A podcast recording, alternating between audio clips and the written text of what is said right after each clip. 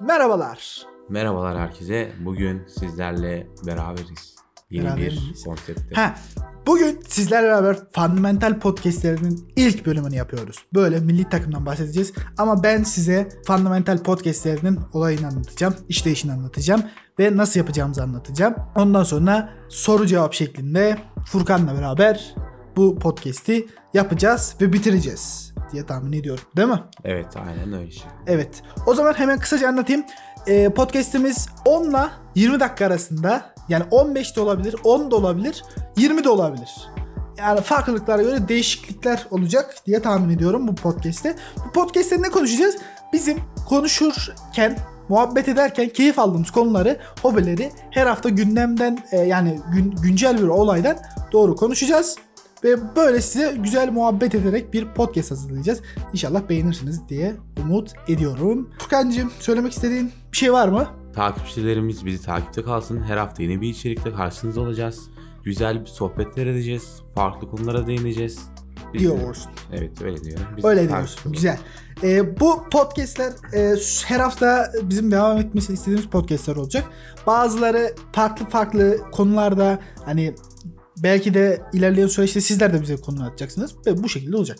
Ben Saltuk Buğra, yanımdaki Emir Furkan Turgut ve Fundamental'in ilk bölümüne hoş geldiniz. Hadi başlayalım.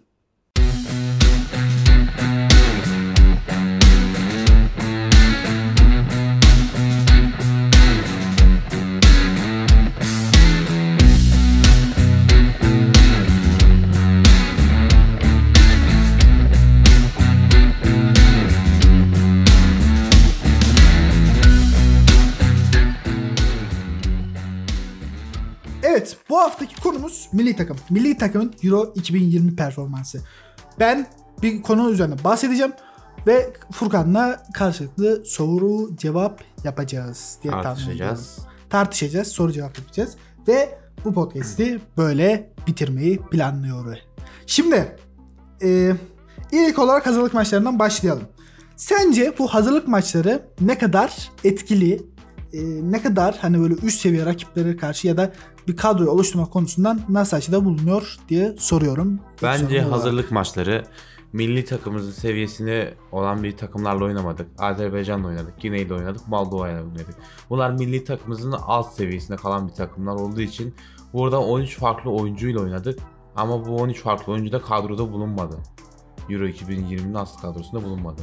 Ya ana kadro e, diyemeyiz. Yani ana kadro bir türlü oturamadı. Kendinin maç eksiğini tamamlayamadığı için sıkıntılı çıkmış Belki olabiliriz. bu hazırlık maçlarında ana kadroyla oynasaydık şu anda Euro 2020'de gruplarda farklı bir milli takım görmüş olacaktık. Ya en azından e, temeliyle oynayabilirdik takımın diye düşünüyorum. Hani temel oyuncular mesela e, Uğurcan'ından tut hani Burak Yılmaz, Burak Yılmaz hani daha yorgun olabilir. Onu biraz dinlendirebilirsin. Ama mesela Okay'ıydı. E, başka kim oynatabilir? Yusuf'u oynatabilirsin. Cengiz'i oynatabilirsin. Onlar en azından form grafiğini yükseltmek için gidebilir diye düşünüyorum. Ama Şenol Hoca bu konuyu hiç takmadı, düşünmedi bile diyebiliriz. Diğer bahsetmek istediğim şey de kadro planlaması ve kadro dışı kalanlar. Şimdi e, birçok oyuncu bildiğimiz gibi geldi ve 28'den 26 oyuncuya kadar düştü bu kadro. Ama e, performansa göre mi yoksa tepki almamak için en az tepki alınacaklar mı dışarı atıyorlardı onu bilemedik. O konuda fikrini almak da isterim. Şimdi ilk önce kalecimizden başlamak istiyorum. Kalede e, kalecide kaleci olarak Gökhan Akkan'ı çıkardı. Bu doğru bir karar yani. 3 tane senin baba kalecin var. İkinci olarak hangi oyuncu var? Bir söyleyebilir misin? E, şey var. Efecan Karaca, Hal Halil Akpınar, Gökhan Akkan ve Mahmut Pekdemir. Evet doğru Tekdemir. Ben onun ismini sürekli karıştırıyorum ya. Şimdi Mahmut defansif orta saha oynayan bir oyuncu. Kaliteli bir ayak. Okay'ın yanına değerlendirsen nasıl değerlendirirsin? Ben Ya Okay'ın 7 olarak hani biraz daha tecrübeli bir hani 90 Mesela- dakikaya çıkartamaz da. ikinci yarı son 15 dakika 25 dakika alabilirsin. Ya Mahmut. olabilir hani ama şey sen bu maç e, oynadığın maçların hiçbirinde defansif özelliklerinden değil. Sen atağa çıkamıyorsun. Yani top tutacak orta saha ihtiyacın var. Anca e, Mahmut yedek olabilirdi diye düşünüyorum.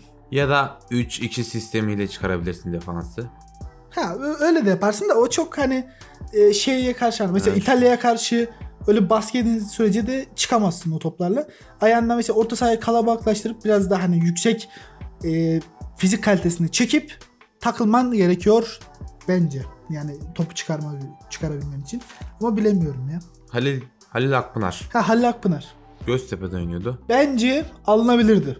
Hani ileriye doğru hızlı hücumlarla topu tutabilen, topu ileri taşıyabilen, Hakan'ın performansı düşük olduğunda onun yerine oynayabilen çünkü Hakan'ın performansı bayağı bir düşüktü diye görüyorum. Yani şimdi İrfan Can da var o mevkide oynayan. İrfan Can Kahveci. Ya İrfan bir tık daha Hakan hani Hakan kadar ayağı böyle şey değil de biraz da hani ayağı da iyi ama biraz daha mesela o Ozan Yavaş gibi, tempoda. Ozan gibi e, hızlanabilen fiziği bir tık daha yüksek bir oyuncu. Yani onunla ikisi farklı olabilir ama şey Halil de iyi tercih olabilirdi hani. Hakan'ın iş çözemediği yerde Halil'i de alabilirlerdi. Hatta İrfan'ı İrfan Can'ı bile aldıklarına zaman İrfan iş çözmeye başlamıştı zaten diye görüyorum ben. Mahmut'u konuştuk, Gökhan konuştuk. Efecan Karaca kaldı. Ha Efecan, Efecan'ı alırsın almasın performans düşüklüğü hani o kadar üst düzey bir performans olmayabilir. O yüzden çok sıkıntı bir kişi değil. Ama mesela sen onun yerine gidiyorsun Rıdvan, işte Orkun, Kökçü. Efecan'ı da yedek belki alabilirdin diye düşünüyorum. O, o konuyu bilemiyorum şu an. Başka ne var? Ha Şenol Güneş'in dediği tecrübesizlik. Şenol Güneş sürekli tecrübesizlik, te- sürekli tecrübesizlik diye bahsetti. Turnuvanın en geç tak- takımıyız zaten. E, bu bizi bir dezavantaj olarak etkiledi. Ama sen mesela hiç oynatmadan Rıdvan yerine bir Caner Erkin alaydın ya da hani tecrübe konusunda Mahmut'u alaydın. En azından bir tecrübe hani bir abilik gibi yapabilirlerdi diye düşünüyorum. Bu konudaki fikrin nedir? Şimdi Şenol Hoca tecrübesizlik diye bahsediyor ama tecrübesizliği kimin üstüne atıyor? E, milli takımdaki oyuncuların üstüne atıyorsa bu yanlış bir şey. Çünkü bu oyuncular Avrupa görmüş oyuncular, Avrupa standartlarında oynamış oyuncular. Ya Avrupa seviyeleri yüksek, profilleri yüksek. Hani Evet. sürekli üst düzey Bu maçlarda oyuncular her oynuyor. zaman antrenman yapıyorlar, tecrübeler kazanıyorlar. Yani bu oyuncular kaliteli bir oyuncu. Senin teknik heyetin tecrübesiz bence. Ya şu Teknik, teknik, heyet heyetinde bir şey aramalısın. Ha, teknik heyetinde zaten bir sıkıntı var. Adam çünkü Kayseri Spor'dan gelmiş. İsmini bak gene hatırlayamadım ismini. Ben e, bir dahakinde söylerim o ismi. Hatırlarsam şu anda internet olasılığımız biraz düşük de şehir dışındayız. Size kısa bir e, şey yapmaya çalışıyoruz şu an ilk bölüm olarak. Senin e, yardımcı teknik direktörün gidiyor. Kayseri Spor'dan geliyor. 6 maçta aldığı puan 1. Ve hiçbir şekilde üst düzey kulüplerde çalışmıyor. Üst düzey bir yöneticilik vasfına sahip değil. Ama mesela İsveç'inden tut Almanya. Gallerine tut. Onların yardımcı teknik direktörlüğü Premier Lig'den Championship'ten gelen hocalar ve Euro e, U17 Euro şampiyonlukları yaşamış e, yardımcı teknik direktörler var. Bizimkiyle kıyaslandığında hiçbir şey oluyor. Öyle de olunca bize çok büyük sıkıntılar çıkartabiliyorlar. Takımı hiç motive etmemişler bu konuda. Yani takımı hiç motive etmeyerek hazırlamışlar. Ya kanları mı uyuşmamış deriz ya böyle hani nasıl Evet. diyeyim böyle Kan güzel e, hani onların sevi seviyesine denmez de ona mesela şey denebilir. Aynı kuşak değiller. Aynı Evet. kuşak olmayınca onların ne istediğinden ne yaptıklarını anlayamıyorlar. Kendilerini de geliştirmedikleri için böyle sıkıntılar ortaya çıkıveriyor diyebiliriz. Kısacası böyle bir e, bahsetme şeklimiz olabilir buna karşı diyebilirim. Şöyle sistem seçimi. Yani oyuncu seçimi maçlardaki. Mesela sen ilk maçta yenen golde Merih'i çıkartırsan ikinci maça onların forvetleri 1.90 üstü Galler'in. Galler'in de Merih bizim en, en uzun oyuncumuz Merih olduğu için ve en hani defansif özellikle yüksek oyuncumuz da Merih olduğu için Evet. böyle sıkıntılar yaşatabiliyor.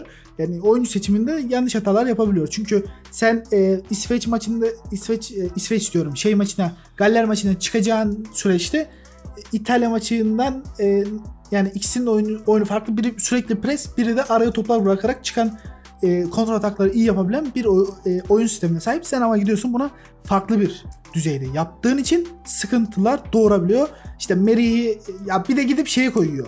Kaan Ayhan. Kaan Ayhan güzel oyuncudur ama onun biraz da hücum ve ayak tekniği iyidir. Top tekniği. O yüzden hani sürekli ileri çıkabilen defansın arasına atılan kontra atak uzun paslarla işi bitiriyorlar. Bu sonuçta da zaten Kaan Ayhan'la Merih'i karşılaştırdığında birisi daha hücumsal. Zaten Kaan sol bek, sağ bek oynayabiliyor. Sürekli ileri çıkabilen, orta sahada oynayabilen bir oyuncu ama Merih tam bir defansif, hırçın bir oyuncu profiline sahip. Yani Ozan da oynatabilirdi. Ozan e, en azından defansif açıları daha yüksek ve hani en azından defans kesebilecek profile sahip. Zaten sen bunu oynatmadığın için zaten e, sen orada e, gol yemeyi de hak ettin. Zaten gol zaten şeyden geldi. İki defansın arasına atılan uzun toptan kontra atak topundan geldiği için zaten Kaan Ayhan biraz öndeydi ve cezayı kestiler ve diğer golleri de yediniz diye düşünüyorum. Senin düşüncelerini alalım burada. Şimdi Kaan Ayhan'ı seçmekte bir hataydı yani. Ya seçtin de Ozan'ı da seçebilirdin. Ozan Kaan Ayhan'dan daha üst seviye profesyonel oynuyor. Ya profesyonel oynamasından geç en azından defansif meziyetleri Kaan'dan daha fazla ve daha Tecrübe iyi. yani. En azından Premier Lig oyuncusu. E, diğeri de İtalya Serie A'da oynuyor. Ama e, belki de e, yani form durumu biraz kötüdür. Niye dakika verdiğini de anlamıyoruz. En azından gençlerden seçtiği yedek kulübesine en azından hani daha tecrübeli Mahmut gibi, Caner gibi oyuncuları seçip biraz daha tecrübe katabilir diye düşünüyorum. Senin, senin söyleyeceğin bir şey var mı? Kapatalım yavaştan. Benim söyleyeceğim bir şey yok ama şunu ekleyeyim notlarımın arasına. Ben bu çocuklara güveniyorum. 2022 Dünya Kupası'na çıkacaklar bunlar. Orada yine bizi temsil edecekler. Her zaman arkasındayız. Bırakmayacağız. Bu çocuklar bizim çocuklar. Şanssızlık yani. İnşallah şanssızlıktı diyelim. Bir dahakine böyle olmaz. Onlara bir tecrübe olur. İnşallah kötü geçirdikleri bir 10 gün olmaz. Tecrübe katar tecrübelerine. Güzel bir şekilde 2022 Dünya Kupası'nda hızlı bir şekilde devam ederler diye düşünüyoruz. Ve onlara desteğimizi buradan e, yeniliyoruz diyelim. Ve podcast'imizi kapatalım. Kapatmadan önce son söyleyeceğim şey var mı dinleyicilerimize? Eylül ayında 2022 Dünya Kupası'nda milli takımımıza başarılar dileriz. İzleyicilerimize, dinleyicilerimize de yani bizi takipte kalın. Sizlerle güzel podcastler yapacağız. Hoşçakalın, sağlıklı günler dilerim. Sosyal medya hesaplarını açıklamadaki hesaplardan takip edebilirsiniz. Bizi her hafta yapmak kaydıyla düşündüğüm şekilde podcastlerim üzerinde Spotify, Apple yakında Apple Müzik, iTunes'a geçici, geçme ihtimaliniz var. Bir de belki Google Podcast'lerden bizi dinleyebileceksiniz yakın bir süreçte ama ilk olarak Spotify'dayız.